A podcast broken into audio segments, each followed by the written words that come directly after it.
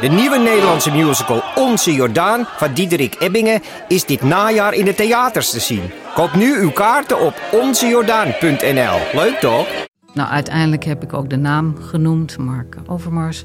En toen hebben we lang over gesproken. En toen zei ik, heb je dat nou zelf ook wel eens meegemaakt? Ja, ja, ook zelf meegemaakt. Heb jij ook wel eens van die dickpics ontvangen? Ook. Ja, dat vond ik toch wel heel heftig. Ben je benieuwd naar deze verhalen en wil je niets missen? Via podimo.nl slash gonzo luister je 30 dagen gratis naar Gonzo op Podimo.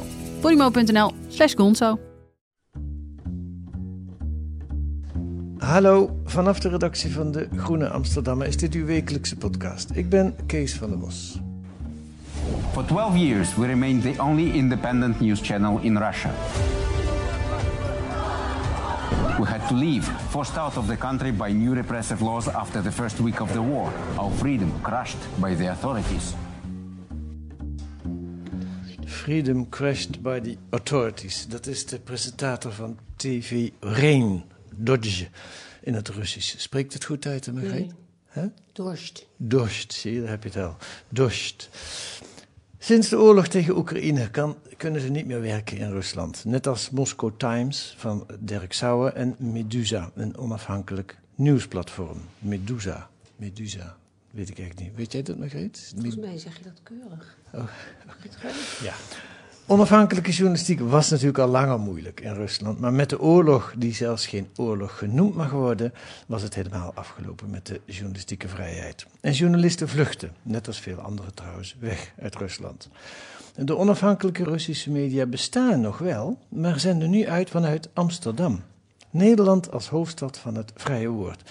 Of zoals voor op de groene staat Moskou aan de Amstel.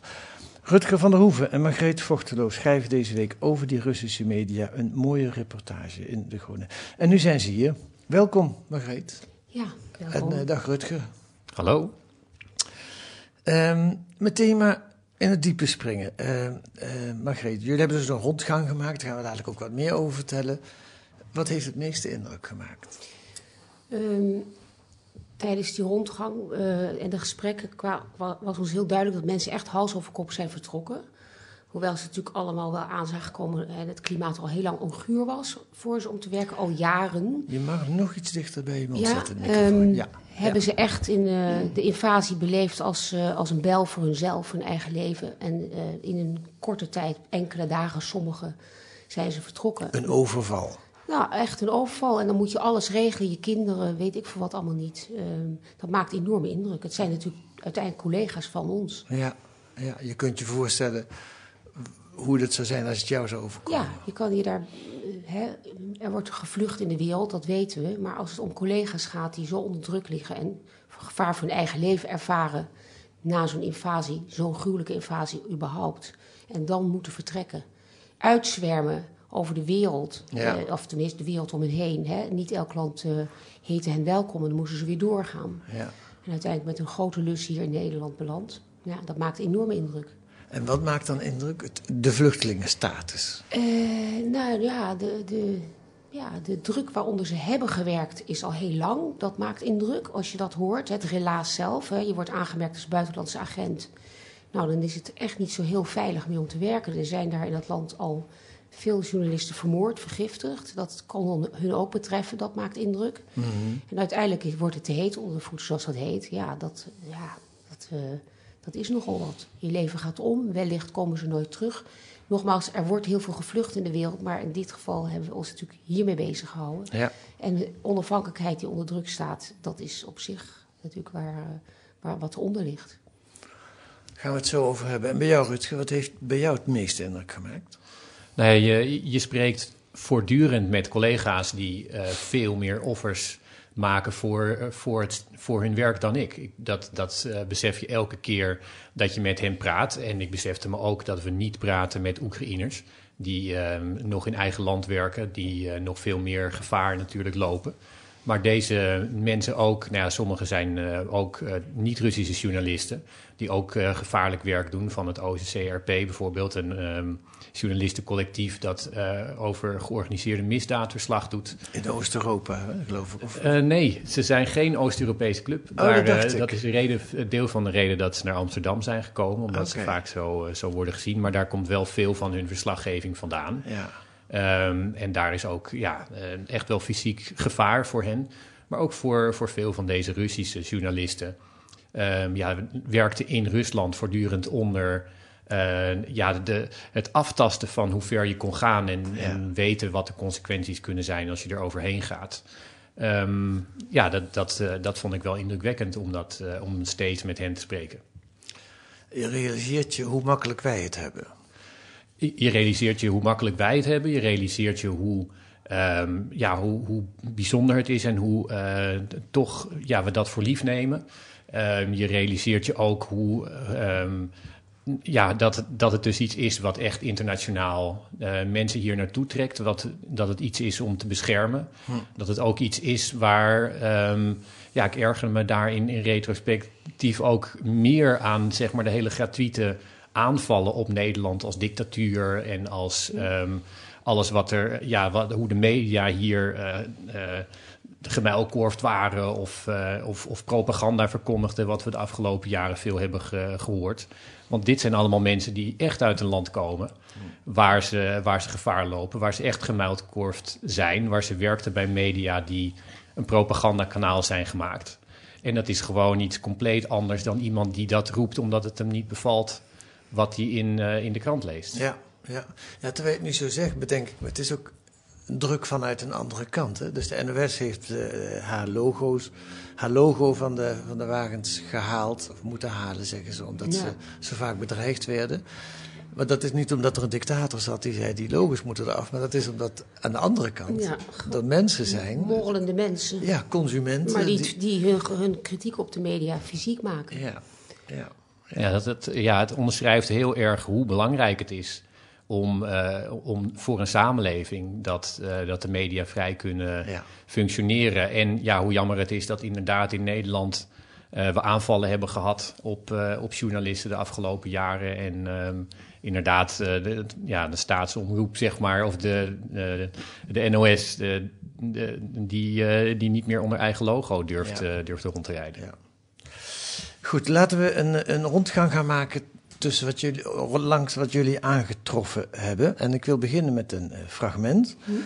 En dat is een fragment ook van TV Rain, van Do Dost. Nu zeg ik het beter, hè? Dost.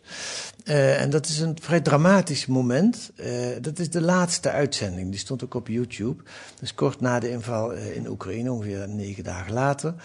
je hoort op het eind ook nog de, de, de, de oprichter en een van de redacteuren No Passaran zeggen. En dan zeggen ze nog iets in het Russisch en dat is uh, stop uh, de oorlog. Ja. Um, het, het, is een beetje raar in het Russisch, maar ik laat het toch even horen. Um,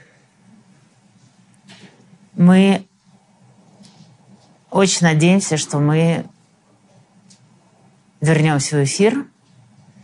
Как, где, на каких платформах, мы пока не знаем и как это все будет. Я думаю, что, друзья, мы должны на этом закончить. Конец сегодняшнего эфира и пауза небольшая, которую делает телеканал «Дождь». Но пасаран. Но пасаран. И нет войне. Точно нет войны. Ja, natuurlijk. Stop de oorlog. Kun jij het een beetje verstaan, Margreet? Nou, ik, ik probeerde dat te doen, maar ik kon nu niet zo gauw iets van maken, hoor. Ik Oké. ga ook niet uh, op me nemen om dit te vertalen. Nee, nee. nee, vastgevoelig Ja. wat ze zeggen. Maar Ja. je, je, je voelt dat, dat het echt de laatste seconden zijn die tikken. Ja. En dat ze ook nog iets erin willen roepen. En Ja. ja. Passeran is natuurlijk geen doorgang, stop het. Ja. Um, en uh, ja, er, er zit geen regime meer op natuurlijk. Nee. Want ze beleven hun laatste uitzendingsmomenten. ja, het beeld heb je waarschijnlijk ook gezien. Je ziet Ja. dan die hele redactie staat Ja, achter die presentatoren. het is En die indrukwekkend. ja, lopen dan Ja, uit ja, beeld. Dat is live uh, d- door, nou ja, aan Ja. 145 miljoen Russen konden dat zien als ze wilden, maar het, Ja. is, het is live uitgezonden. Ja. Uh, beschrijf eens, wat is TV Rain of Dost? Dorsch TV, uh, ja, ze hebben het, het, het, woord, re, het betekent regen, hè? De, Ja. En, en de, de, de, het is in 2010 opgericht door twee vrouwen. Ik, de namen moet ik eventjes, die zijn me eventjes eh, ontschoten nu. Vergeef ik je. Eén heet Natasja, de andere heet eh, Vera. Ja, en het was een En- optimistisch kanaal. En het was, ze noemden zichzelf het optimistische kanaal. Het was de kabel. Het was onafhankelijk. Eh, ze, ze regelden eigen geld. En ze hadden geld. Hè, want een van de oprichters trouwde met de oligarch. En die, eh, een Oké. goeie trouwens. Die bestaan ook nog steeds. En die eh, stopte daar veel geld in. Het was aanvankelijk vooral bedoeld als een licht onderwerpenkanaal. eh, popmuziek, eh, seks, eh, mode, hippe dingen. Geen ook- politiek. Nee, hadden geen aspiraties op dat vlak. En het was ook echt heel erg cult. Iedereen vond het geweldig. Het was een beetje ja, MTV Plus, maar dan Russisch. Ik kan me het zo voorstellen. En eh allengs eigenlijk heel snel al kwamen toch die politieke kanten omhoog, onvermijdelijk. Ze gingen ook eh, de straat op, veel de straat op. Dat hoorde daar ook echt bij. Reportages maken. Nou, dan kom je voor het eerst eh, met je neus op de demonstraties terecht.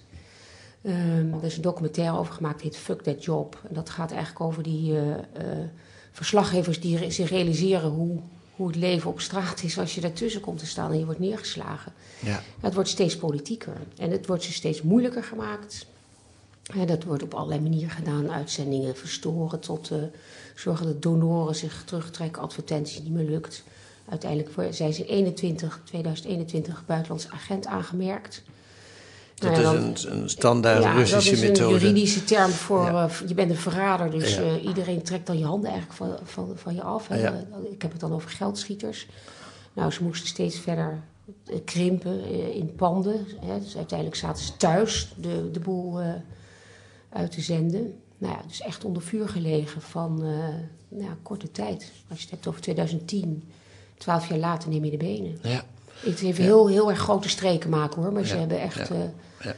Ze hebben nog in Riga gezeten, in Ja. Letland. Medusa Ja. trouwens ook. Dus dat is een, Ja. een, een, een route Eerste die... uitwijk was Ja. dat. Ja. Maar beschrijf eens hoe het nu eruit ziet. Want je hebt ze bezocht. Eh, hoe- Ze zitten nu hier in Amsterdam. ja, dus van Riga zijn ze vertrokken naar Amsterdam. Dat is eh, in, het, eh, in het grote gebouw waar de Parool en de Volkskrant en Trouw zitten. Het Init-gebouw. Init heet het toch, ja? Init, ja. Init, Ja. ja.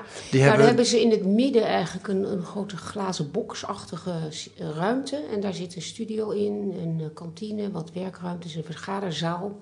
En dat is echt in, in de startfase, nog opstartfase. Hè. Je ziet de, de rollen nog liggen van de, van de snoeren.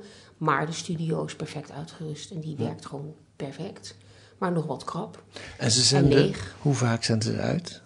Ehm, nou, eh, ik geloof bijna dagelijks. Volgens mij is het journaal dagelijks en zijn er dan Ja. een aantal programma's die een aantal programma's, soms talkshows. wekelijks of zo Ja. zijn, of drie keer per week. Ja, degene die wij spraken heeft twee keer per week een show. Hm. Nou, zo'n politieke show op zondag. En ze gaan het flink uitbreiden. Ja. En hebben ze veel bekijks in Rusland? Weten ze dat? Ja, ze hebben veel bekijks. Ehm, nou, bij, bij echte hoogtijdagen, op topmomenten, grote gebeurtenissen zoals de invasie, zitten ze tegen de miljoen aan. Hm. En gemiddeld 200.000, 300.000, waarvan eh, ruim de helft in Rusland is. eh, kijker en de andere helft zit eh, een beetje diaspora in Europa. Ja, ja. Maar met alle respect, in Rusland zelf is dat dus niet heel erg spectaculair. Nou, dat kan wel degelijk spectaculair zijn. Want het, als je het hebt over een miljoen als er grote gebeurtenissen zijn. En Mhm. de uitbreiding is nog het geval. Ja, je kan je afvragen of dat eh, tegenwicht kan bieden tegen de immense propagandazenders. Nou, dat, dat lijkt me sowieso bijna dat is moeilijk. Maar Ja. er is een gigantische behoefte aan Ja. onafhankelijk eh, nieuws. Dus, ja. Ja. Ja, eh, Mikael Fishman en zijn vrouw Julia Taratuta zaten in Buitenhof in december. Die, de, de, de- hij is een van de presentatoren. Ehm, ehm, heb je hem ook gesproken? Ja. Ja, ja. wat, wat, wat, je, hebt ze, je bent daar geweest, je hebt met ze gepraat. La- laat ik eerst trouwens iets anders vragen, want dat ging net een beetje bij de way. Je, hoe jij kent een klein beetje Russisch. Wat heb je met Rusland? Ehm, nou, ik ben er heel veel geweest. Afgelopen decennia zou ik willen zeggen. Want ik, heb ook nog, eh, ik ben er ook nog geweest in de tijd van de Sovjet-Unie, in de nadagen. Mhm. Moskou. En, eh, en toen ook trouwens naar Kiev. Dat bedenk ik me nu pas. Dat dat eh, een combinatieprogramma was. Want het was één, één rijk, de Sovjet-Unie. Ja.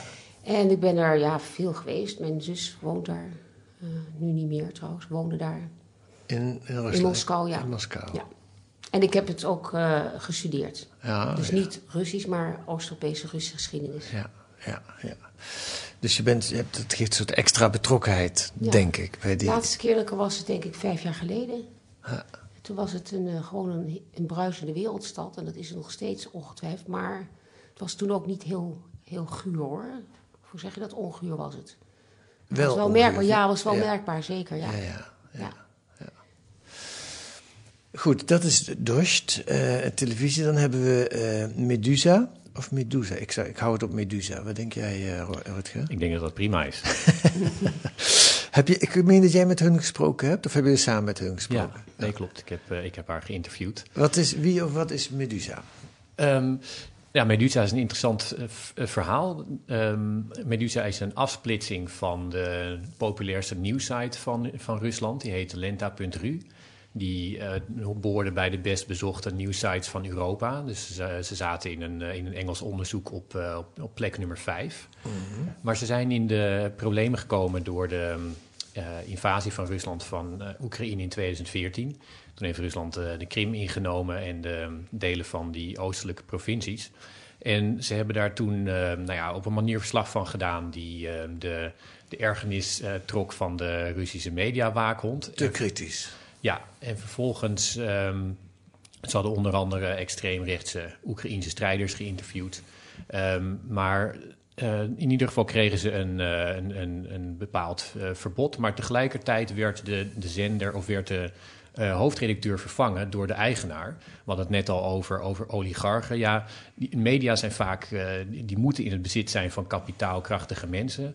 Ehm, ja, die hebben eh, allerlei connecties. eh, die verkopen soms hun media. Dus, en als er op een gegeven moment druk op wordt gezet, dan krijgen zulke mensen ook te horen van nou, je moet wat doen aan je kanaal anders.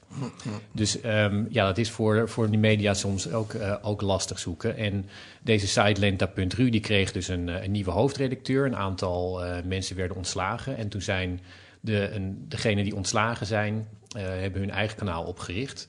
Medusa, die hebben toen ook besloten dat kunnen we niet doen vanuit Rusland, want dan hebben we geen, eh, ja, geen, geen vrijheid om te werken. Dus dat hebben ze in 2014 al gedaan vanuit Riga. Ehm, ja, de huidige, of de, de hoofdredacteur eh, Galina Timchenko, die doet dat nog steeds. En ehm, het is een beetje een progressief eh internettijdschrift. en ehm, zij zaten in Letland en heel veel van hun, van hun medewerkers in Moskou. Die zijn gevlucht eh, na de invasie van, eh, van eh, begin 2022. Die kwamen overal in Europa terecht. Toen beslisten ze, die willen we liever niet naar, allemaal naar Riga hebben. We willen een andere plek zoeken. En toen hebben ze zitten zoeken en hebben Berlijn en Amsterdam uitge- uitgekozen. Dus een belangrijk deel van de redactie die zit nu inderdaad, die komt hier. Hm. En, en waar zitten die? Hoe, ziet, hoe moet ik me dat voorstellen? Nee, die hebben hier nog niet. eh, ze, ehm, dat zijn journalisten die overal naartoe zijn eh, uitgeweken. Dus veel zijn naar Georgië eh, gegaan, naar Kazachstan, Turkije. Dat, ehm, het is eerder zo dat zij moesten bedenken waar gaan we, die, ehm, eh, waar gaan we hen huisvesten. Ja, En die hebben in Amsterdam nog niet een vaste plek. oké. Er zitten wel mensen van hen in Ja. Amsterdam, maar het is niet een kantoor net als Dosh TV Dosh, eh, of Dosh TV heeft. Ehm, en ik, ik, heb, ik heb ook begrepen uit jullie artikel dat het een beetje op de groene lijkt. Wat betreft artikelen en achtergrond. Maar meer nieuwsartikelen dan maar ook de achtergrondartikelen. Klopt dat? Eh, ja, het is een, een medium dat zijn. eh, het is, ehm, eh, ze schrijven puur geschreven journalistiek. Ze willen een hele hoge journalistieke standaard houden. Ze zijn, hebben een progressief stempel. Hm. Dus ja, ik denk dat dat een medium is wat op, op ons lijkt. Ja. Ja, ja. Oké, dan hebben we de, en de derde kandidaat, of wat zeg kandidaat, wat zeg ik nu? De, de derde, het derde medium, eh, Moscow Times, van Dirk Sauer. Nou ja, laten we dat ook even vaststellen. Dirk Sauer lijkt me wel een soort spin in dit web, met al zijn contacten en zo die hij heeft. Hè? Is dat ook jullie Ja. beeld? Ja, hij ging ook na die invasie eh, en, en, eh, weg. Ja, zijn krant, Moscow Ja, Times, is ook hij in is Amsterdam. daar eh, eigenaar van. Heeft, hij heeft het in 2007 weer teruggekocht. Het was even een tijdje eh, van iemand anders, maar hij heeft het weer teruggekocht. Al Ja. in 2017 weer. En ja, hij is een Nederlander, dus eh, zijn vlucht naar Nederland was erg logisch. Mhm. Eh, maar in het kielzucht daarvan nam hij zijn redactie mee van de, eh, van de Moscow Times. Dat was eigenlijk de eerste club die daar eh, belanden in dat gebouw. Want dat heeft hij ook geregeld. En ook in dat contacten. in het gebouw. Ja, daar is het begonnen met de Ah, Moscow, eh, Moscow Times. En toen, eh, nou ja, toen is eigenlijk eh, het balletje gaan rollen. Hij dacht, er zijn meer mensen die eh, ergens een plek onder de zon moeten krijgen. Ja, Nou, spread the news in die eh, uitwarende gemeenschappen en individuen. Dus de telefoontjes gingen zij kant op. Ja. Van, kan ik ook deze kant op komen bij jullie terecht onder... Nou ja, dat, dat enzovoort. Dus, en Ja. hij is heel belangrijk. Hij faciliteert het ook in de zin van regelen. ja. Dus heel praktische kanten. Even nog over wat is de Moscow Times. Eh, dat is eh, ook een, een, een nieuwsmedium, zeg ik even in mijn woorden, gericht met name op expats. Op, eh, het is Russisch-talig en, en, en Engelstalig. Ja. Dus het is beide. Het is ook Ja. heel erg op de Russen gericht. eh Wordt ook zowel veel in ge- Rusland als buiten Rusland. Oké. En wordt het ook veel gelezen in Rusland? Ja. Oké. Ja, dat is ook een grote speler. Ja, het, is- Ja. het bestaat nu 30 jaar. Hè? Dus eh, toen hij begon te pionieren in 92 heette het de Moscow Times. En dat was voor expats, was Engelstalig. Ja. Dat gingen Russen ook steeds meer eh, lezen. Ah ja. Hè, want het, was, Ja. het viel toen, ja, 92 was eigenlijk de Sovjet-Unie net eh, vertrokken. En, en de onafhankelijke media waren er natuurlijk eigenlijk nog niet. Die waren in opbouw. ja. Die zijn natuurlijk wel opgebouwd. Maar hij was niet de enige. Maar dat was zo'n krant dat iedereen al las. Oké, dan hebben we al één oorzaakje te pakken. Dirk Sauer, die heeft veel contacten, daardoor komen veel mensen hier. Maar laat ik het toch open aan jullie vragen. Hoe komt het dat de Russische media in Amsterdam zitten in zo'n grote getalen? Ja, ik, ik heb het, eh, wij hebben het een, een ja. mozaïek aan, eh, aan redenen eh, genoemd. Ehm, Dirk Sauer is een van die redenen, omdat hij eh, zijn eigen redactie naar Amsterdam heeft eh, gehaald, maar ook anderen heeft geholpen. Dus eh, bijvoorbeeld die Medusa-journalisten heeft hij ook eh, geholpen, zeggen ze. En, ehm, eh, de, en eh, TV Rain heeft hij ook de journalisten van geholpen. Ja. Dus hij hielp mee. Eh, nou, dat er al Russische, Russische journalisten zijn, ehm, dat is weer een extra factor. Maar eh, een belangrijke factor is ook de, de bescherming van, eh, van journalisten en, eh, en media hier. Eh, de medewerking van overheden, zoals die van, eh, nou ja, het, van het Rijk en, en Amsterdam. Ja. Ehm, Femke Halsema legt er een eer in om dit ook eh, goed Ja. te, te begeleiden. hè? ja, Ja, zeker. Ehm, ja. zij- ze krijgen hier ook ehm, werkvergunningen, Ja. wat een heel, belang, een heel belangrijk voordeel is. Alleen ehm, Duitsland en Nederland doen dat, eh, zei een, eh, een van de journalisten tegen me. En in, in Letland bijvoorbeeld kregen de, de, eh, de journalisten die na februari 2022 waren gevlucht alleen een vluchtelingenvisum. Wat voor, zowel voor hun werk als voor hun persoonlijke leven heel veel begrenzingen oplegde. Ehm, nou ja, dan heb je nog de aanwezigheid van, van fondsen hier. Er zijn vrij veel eh, journalistieke fondsen. Er zijn andere mensen die, die helpen en organisaties, eh, de Bali bijvoorbeeld. Ehm, dus alles, eh, Amsterdam is een, is, een, is een gave stad. Veel, veel mensen ja, willen daar toch graag wonen. Dus dat alles bij elkaar geeft dat een soort mix volgens mij. Ja, ja dat, je hebt niks gemist hoor. Hè? Je alle, alle puntjes genoemd. Ja, Ja. ja. Nou, laten we hopen dat het niet al te Maar lang dat wordt natuurlijk een zichzelf versterkend eh, effect Ja. ook. Hè? Als het Ja. eenmaal hier genesteld is, dan krijg je de, de naam van hier is een centrum ontstaan. Een hub heet het dan. Hè? Maar er komen er ook wel meer plekken in eh, ehm, Europa die eh, voor een aanmerking. Hè? Heeft ook het idee om, om in Praag een plek te openen. Ja. Voor losse journalisten die zich meer gaan richten op de periferie. Eh, nieuws in, eh, in eh, Rusland. Hey, een ander ding wat ik nog even genoemd wil hebben is, ze zitten nu wel hier, maar het wordt ze niet, als media, ze, hebben, ze ondervinden veel tegenwerking. Begrijp ik, vanuit Rusland, vanuit aanvallen op hun site. Kun- Wat kun je daarover zeggen? Ehm, nou ja, wat jij al zegt, aanvallen. Hè, dus, het dat is één, dat je wo- wordt verstoord in je, in je, in je uitzendingen en, en, en in je verspreiding eh, via internet. eh, en, dat is één. We hebben het daar niet heel uitgebreid over gehad, maar het is, het is een gegeven dat dat het geval is. Ehm, en natuurlijk heb je ook het fenomeen bronnen. En, en, Ja, en- kunnen ze hun werk doen? Van, eh, want je bent dus in Nederland, zit je, ja, stel je voor dat je in Moskou zit en je moet over Nederland verslag doen. Ze kunnen hun werk doen, ja, maar het is niet makkelijk. Eh, Om, om het even in één streek te zeggen. Ja. En daar kan je in het bijzonder op ingaan, tuurlijk is het Ja. moeilijk. Ja. Ja, nou, vertel er eens wat meer over. Wat zeggen ze daar, wat zeggen ze daar zelf over? Nou, die, de hoofdredacteur van Medusa die, die vertelde bijvoorbeeld... Um, ja, zij zijn gewend om verslag te doen vanuit van buiten Rusland. Maar het is toch een stuk moeilijker geworden. Hm. Ten eerste is het zo dat je... Uh, dat als je uh, wordt aangemerkt als ja, in overtreding zijnde van een nieuwe, nieuwe wet op, op desinformatie, dan kun je 2 tot 15 jaar celstraf krijgen. Nou, dat geeft een behoorlijke zelfdisciplinering, kun je je wel voorstellen. Um, het is ook gewoon moeilijk geworden om mensen te betalen, want je kunt geen betalingen meer doen naar Rusland. En uh, die media mogen in Rusland geen rekening meer hebben, dus daar heb je een extra probleem. Um, zij hebben, nou ja, je zei al, uh, soms ook last van, um, van aanvallen op hun site. Dus Medusa gebruikt bijvoorbeeld een VPN-server en al hun lezers moeten VPN gebruiken. Um, verder is het zo dat ze uh, voor het controleren van hun informatie toch mensen moeten gaan inschakelen.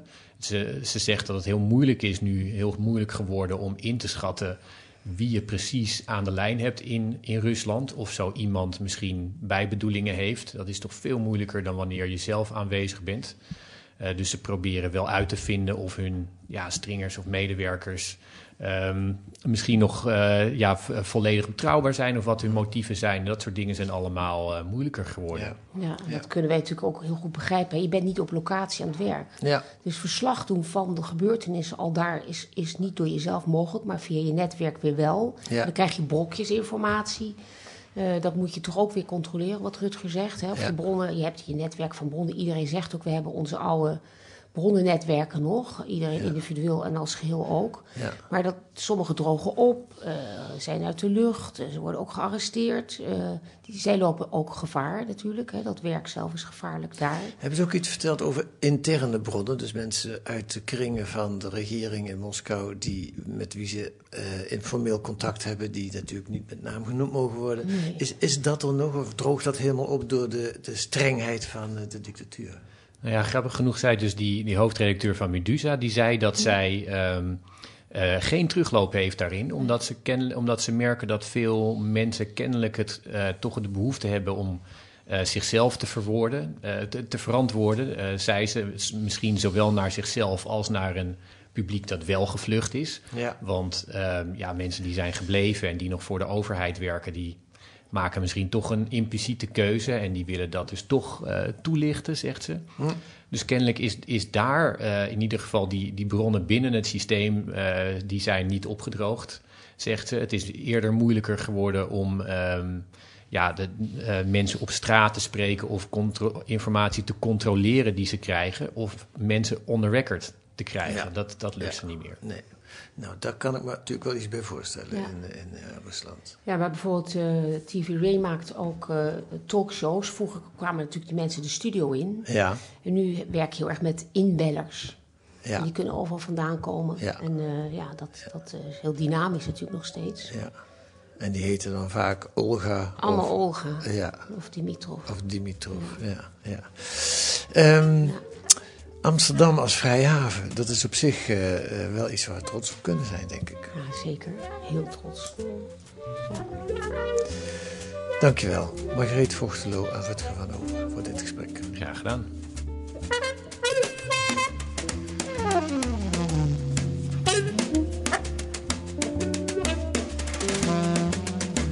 Wat staat er nog meer in De Groene deze week? Een onderzoek naar bentazon. Bentazon, wat is dat? Een uiterst giftig goedje.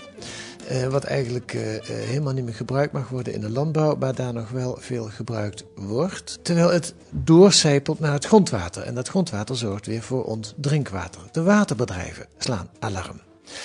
Ook wordt in nummer de vraag gesteld: waar is het pacifisme in Nederland gebleven? Bijna een jaar na de Russische inval in Oekraïne is de strijd bloediger dan ooit. De wapenindustrie uh, is de industrie die uh, de grootste profiteur van de huidige situatie. Kijkt de ooit breed gesteunde vredesbeweging nu machteloos toe? De Groene portretteert de enkelingen die zich nog wel tegen de wapenleveranties en voor onderhandelingen uitspreken. Ik herinner me dat Xandra Schutte dat twee weken geleden in de podcast ook beloofde, dit artikel. Dat kunt u lezen met een abonnement of een proefabonnement. Ga dan naar groene.nl, daar wordt u uitgelegd hoe u 10 weken de Groene kunt krijgen voor 15 euro. Wilt u reageren op de podcast, dan kan dat ook. Stuur dan een mail naar podcast.groene.nl. Geef ons alsjeblieft sterren in uw podcast-app, dan krijgen we nog meer luisteraars. Uh, dat is het voor deze week. Volgende week zijn we er weer met analyses en achtergronden bij het nieuws in deze podcast van De Groene Amsterdammer, die deze week werd gemaakt door Merwe Eusdemir en Kees van der Bos. Een goedkeurend knikje krijg ik van Merwe, dus ik heb het redelijk goed uitgesproken. En de muziek is de Tune van Paul van Kemenade. Tot volgende week.